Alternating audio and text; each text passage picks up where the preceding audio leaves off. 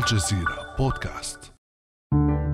هل سمعت عن قصص التعليم قديما عندما كان الطفل يذهب إلى الكتاب لتعلم القرآن وينتقل بين أستاذ الجبر والإحصاء وأستاذ أصول الفقه والبلاغة؟ عندما كانت دعوات الأمهات تصل إلى السماء فيحظى الطفل بشيخ موسوعي يعلمه شؤون الدنيا والدين بالنسبة لرواد التعليم المنزلي. كان هذا العصر الذهبي للتعليم.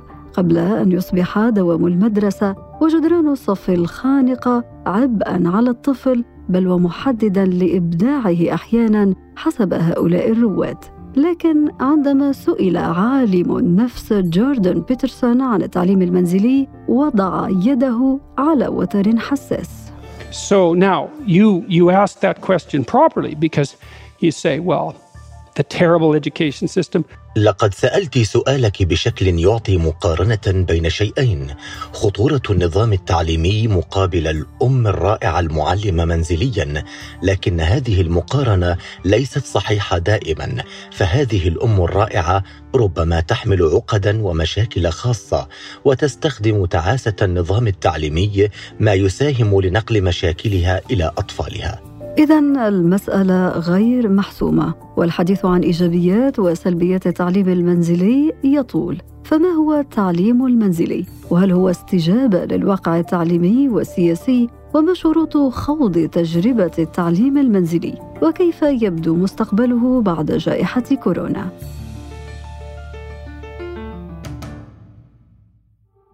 بعد أمس من الجزيرة بودكاست أنا أمال العريسي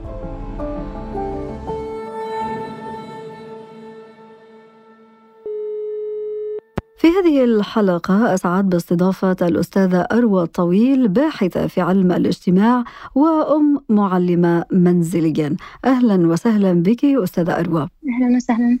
ربما في البداية أستاذ أروى يبدو من غير المألوف أن نقول أم معلمة منزليا يعني حقيقة جملة مركبة وتعريف مركب. خلينا إذا نبدأ من تجربتك في تعليم طفلك منزليا. متى بدأت هذه التجربة وهل لازالت مستمرة؟ نعم أنا سبحان الله التجربة بدأت منذ حملي بيحيى. كان عندي اعتراض على شكل التعليم كان عندي اعتراض على المدارس بشكل عام على النظم وعلى المناهج التي تدرس في المدارس. وبدأت أبحث على الإنترنت عن نظم تعليم بديلة. طبعا أنا لم أكن أعرف عن التعليم المنزلي ولم أتخيل وجود شيء يسمى التعليم المنزلي. ووجدت مدونة بلوج لسيدة إماراتية. كانت تعلم أولادها منزليا وبدأت أنها قالت لي أن هناك منهج للتعليم المنزلي يسمى أوكمداو وهو منهج معتمد في أمريكا. فبدأت أن أبحث عن منهج أوكمدا ومنه اكتشفت وجود عالم كبير يسمى عالم التعليم المنزلي. وبدأنا منذ البداية من مبكرة ليحيى في موضوع التعليم المنزلي هو الآن في الصف الرابع الابتدائي. أنت يعني آه. أستاذة أروى منذ فترة الحمل والآن ما شاء الله ابنك يحيى في الصف الرابع يعني عشر سنوات تقريبا وأنت تبحثين في هذا المجال. فضولي يدفعني لماذا هذا الخيار خاصة وأنك في إجابتك منذ البداية قلت أنك تعترضين على مسار التعليم الموجود. الحقيقة في أسباب مختلفة في جانب متعلق بالمحتوى والأدوات المحتوى الذي يتلقاه الطفل في المدرسة والأدوات التي يتعلمها. أنا كنت أظن أن المحتوى غير مناسب والأدوات غير فعالة. فيمكن أن تنظري إلى حال المدارس الآن. هذه النقطة س... يعني لأن هناك نقاط كثيرة فسأختصر النقاط. لكن انظري إلى المدارس الآن. الأطفال يتعلمون مثلا الغالب في المدارس أن التعليم باللغة الإنجليزية.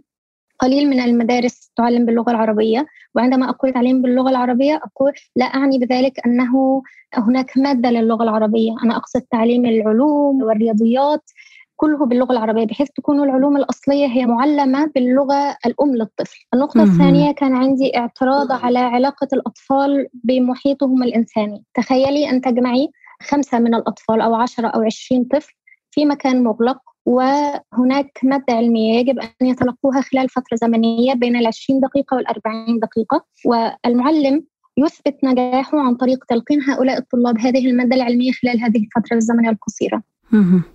غير مسموح له بالتأخر في المنهج غير مسموح له. يعني هناك معوقات كثيرة جدا داخل الفصل. ولكن هناك من يقول لك أستاذة أروى أنه كان ممكن حل هذه العوائق بالدروس الخصوصية مثلا. يعني أكيد أنه المدرس في المدارس التعليم التقليدية له كما ذكرتي حيز زمني لتمرير هذه المعلومات أو هذه الدروس وبقية المجهود يعني يمكن تداركه في حصص إضافية أو دروس خصوصية؟ نعم يعني أنا أظن أن هذا إهدار هائل لعمر الطفل. تخيلي عدد السنوات الدراسية والأيام التي يجب على الطفل أن يقضيها في المدارس لتحصيل شهادة ثم يخرج من المدرسة لأن هذا هو الوضع في مصر. يذهب إلى المدرسة يقضي عشرات الساعات في المدرسة ثم يرجع إلى البيت ليتلقى دروس خصوصية. هي انعكاس لنفس المنهج هو لا يأخذ مناهج مختلفة هو يدرس نفس المنهج لكن بطريقة أكثر تخصيصا. هذا تفريط يعني في عمر أطفالنا أن نضعهم في هذا النظام يعني. طيب إذا أنت اخترتي التعليم المنزلي ولك في ذلك أسباب أوضحتيها ولكن خلينا الآن نفصل أكثر. مناهج التعليم المنزلي من يصممها؟ وهل هناك مناهج معينة تستندين إليها؟ وأنت تحدثت عن منهج معتمد في الولايات المتحدة الأمريكية خلال فترة بحثك حول الموضوع. يعني علشان نفهم النقطة دي خلينا نتكلم عن تعريف التعليم المنزلي. التعليم المنزلي هو انتقال إدارة عمليه التعلم من المدرسة أو الجهة الرسمية أو الدولة إلى الأب والأم. وبالتالي الأب والام بيقرروا ما الذي سيدرسه الطفل؟ ما هي اللغات التي يتعلمها الطفل؟ ما هي سرعة التعلم؟ هل الطفل قادر على تلقي التعليم مثلا خلال سنة أم يحتاج إلى سنتين؟ لأن الأطفال متنوعة في القدرات والمواهب وبالتالي هناك طرق عديدة هناك أنواع من الأسر تقوم بأخذ المحتوى المدرسي وتدريسه في المنزل وهذا أقل قدر من التعليم المنزلي أو يعني أبسط الأنواع هناك أسر أخرى تقوم باستيراد مناهج أجنبية سواء هي منهج غربي أو منهج إسلامي لأن هناك أيضا مناهج إسلامية يعني معظمها باللغة الإنجليزية. هناك أسر وهذا ما فعلته أن هناك بعض المناهج أقوم بإخدام مثل منهج الرياضيات أقوم بالبحث عن منهج رياضيات مناسب وأقوم باستخدامه أبحث عن منهج علوم مناسب وأقوم باستخدامه. مثلا منهج اللغة العربية قمت بتصميمه بنفسي. وبالتالي هناك طرق مختلفة وطرق كثيرة لأن الهدف من عملية التعلم اختلفت من أنني أحاول أن أمدرس ابني أي أن يذهب إلى المدرسة ويحصل على شهادة إلى أن يتعلم. وهذا التعلم أفقه مفتوح ومساحة واسعة يمكن أن أتحرك فيها كما يشاء. قلت الكثير من الأوصاف خلال عملية تصميمك أو اختيارك للمناهج أستاذة أروى وهو أنك تختارين ما هو مناسب. فما هي مقاييس هذا الاختيار؟ هناك في البداية معايير دينية هناك معايير ثقافية هناك معايير متعلقة بالمادة العلمية الموجودة في المنهج. فعلى سبيل المثال أنا مهتمة جدا أن يدرس ابني أشياء لا تكون علمانية لأنني أعتقد أن الدين الذي أعتنقه أنا وطفلي هو لا يمكن أن يكون دين علماني لأنه يفقد فعاليته إذا فصلنا الدين مثلا عن العلوم. فمثلا عندما يتعلم العلوم نتعلم وحدة عن البحار فهو أيضا يتفكر أو يكون هناك آيات من القرآن ونتفكر في هذا الكائن الضعيف المخلوق في أقصى أعماق البحر كيف يسر الله له سبل المعيشة تحت البحر. هذه النقطة بالنسبة لي هي نقطة مهمة جدا جدا. أن يفهمها. وبالمناسبة أنا استعنت بمنهج مسيحي. هو منهج أجنبي وهو منهج مسيحي. يستخدم بعض الآيات من التوراة والإنجيل. قمت بمراجعة المنهج بالكامل. وقمت بوضع ما يناسبني دينيا. استثنيت منه ما لا يناسبني. واستخدمته في تعليم طفل. الحمد لله كانت هذه التجربة تجربة جميلة جدا. في هذا السياق أستاذة أروى هناك إحصائية مثيرة صدرت في الولايات المتحدة تفيد بأن 35% ممن يتخذون قرار التعليم المنزلي لأطفالهم دافعهم الرئيسي هو توفير حاضنة دينية وأخلاقية لهم.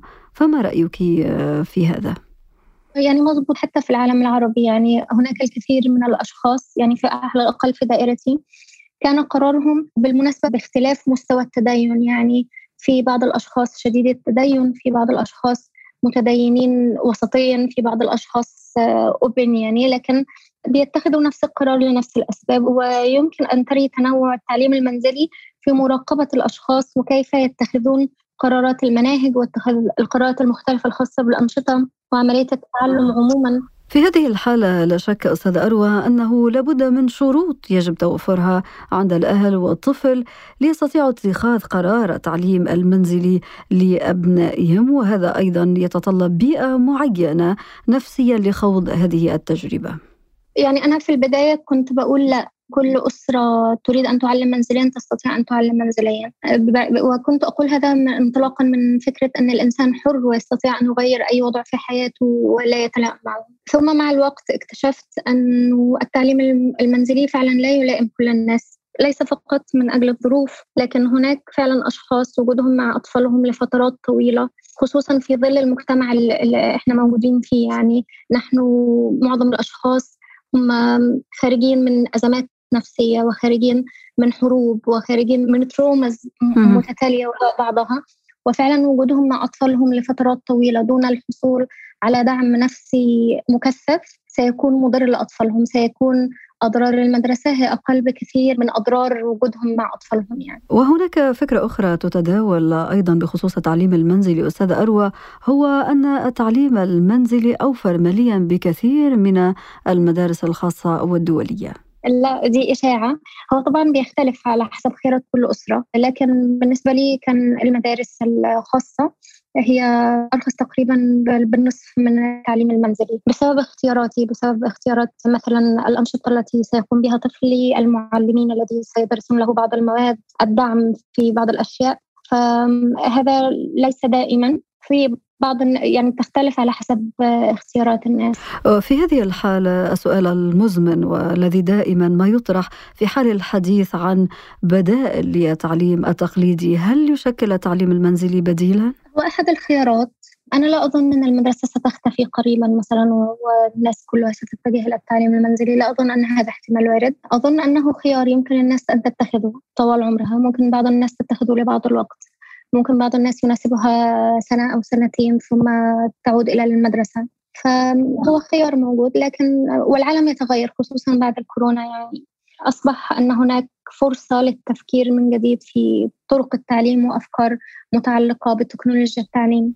أستاذة أروى كان لافتا خلال فترة جائحة كورونا وتعليم عن بعد صدور تقرير من منظمة الصحة العالمية تتحدث عن مشاكل صحية وعقلية ونفسية أصابت الأطفال خلال هذه الفترة فهل يمكن أن ينتج عن التعليم المنزلي إشكاليات صحية مشابهة؟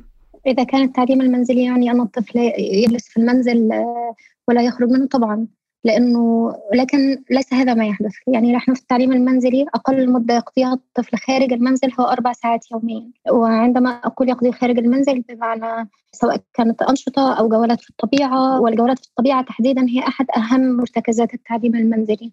أن الطفل يخرج إلى مكان مفتوح. يلعب فيها ألعاب مفتوحة يتعامل مع الطبيعة بدون حدود وبدون حواجز وبدون آه، ما شخص مدير عليه أو أستاذ يخبره أفعل ذلك أو لا تفعل ذلك.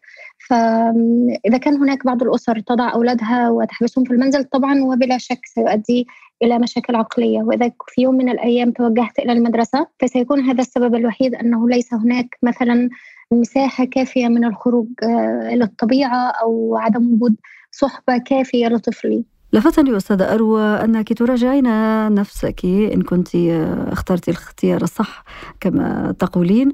ولكن ماذا عن نظام التقييم للمتعلم في التعليم المنزلي؟ بالنسبة لي بشكل شخصي ببساطة طريقة التقييم هو أن يجيد الطفل استخدام ما يتعلمه في حياته اليومية. قدرته مثلا على القراءة هذا دليل على تطور قدرته على فهم كلمات باللغة العربية أو بالإنجليزية أو بالتركية بشكل معقد أو متطور عنه.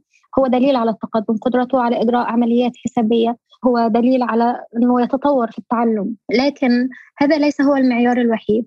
يعني نحن في المدارس يتم التقييم على أساس إجادة الطفل للمادة العلمية. لكن هناك أشياء أخرى للتقييم في التعليم المنزلي مثلا تطور الطفل اجتماعيا هل الطفل عنده ثقة في نفسه عندما يتحدث لأشخاص أكبر منه أو لا؟ طبعا الجزء الأكاديمي هو جزء مهم. قدرته على إدارة الخلافات قدرته على دخول شجرات عنيفة والخروج منها بشكل قبول. هذه كلها من الأسباب. عندما قلت أن بعض الأسر تعيد التقييم وتحدد إذا كانت فشلت أو لا كنت عقليا أفكر في هذه الأشياء لأنها الأكثر يعني تشغلني أكثر شيء فلم يكن عقلي مشغولا بالجزء الأكاديمي أنه مثلا يفشل في امتحان أو يعجز عن حل مسألة لكن التطور العقلي والتطور العاطفي هو الأهم في هذا التقييم يعني.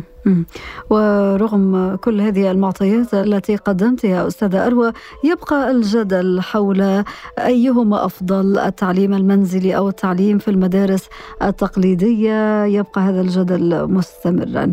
الأستاذة أروى طويلة الباحثة في علم الاجتماع وأم معلمة منزليا. شكرا جزيلا لك. شكرا. كان هذا بعد أمس.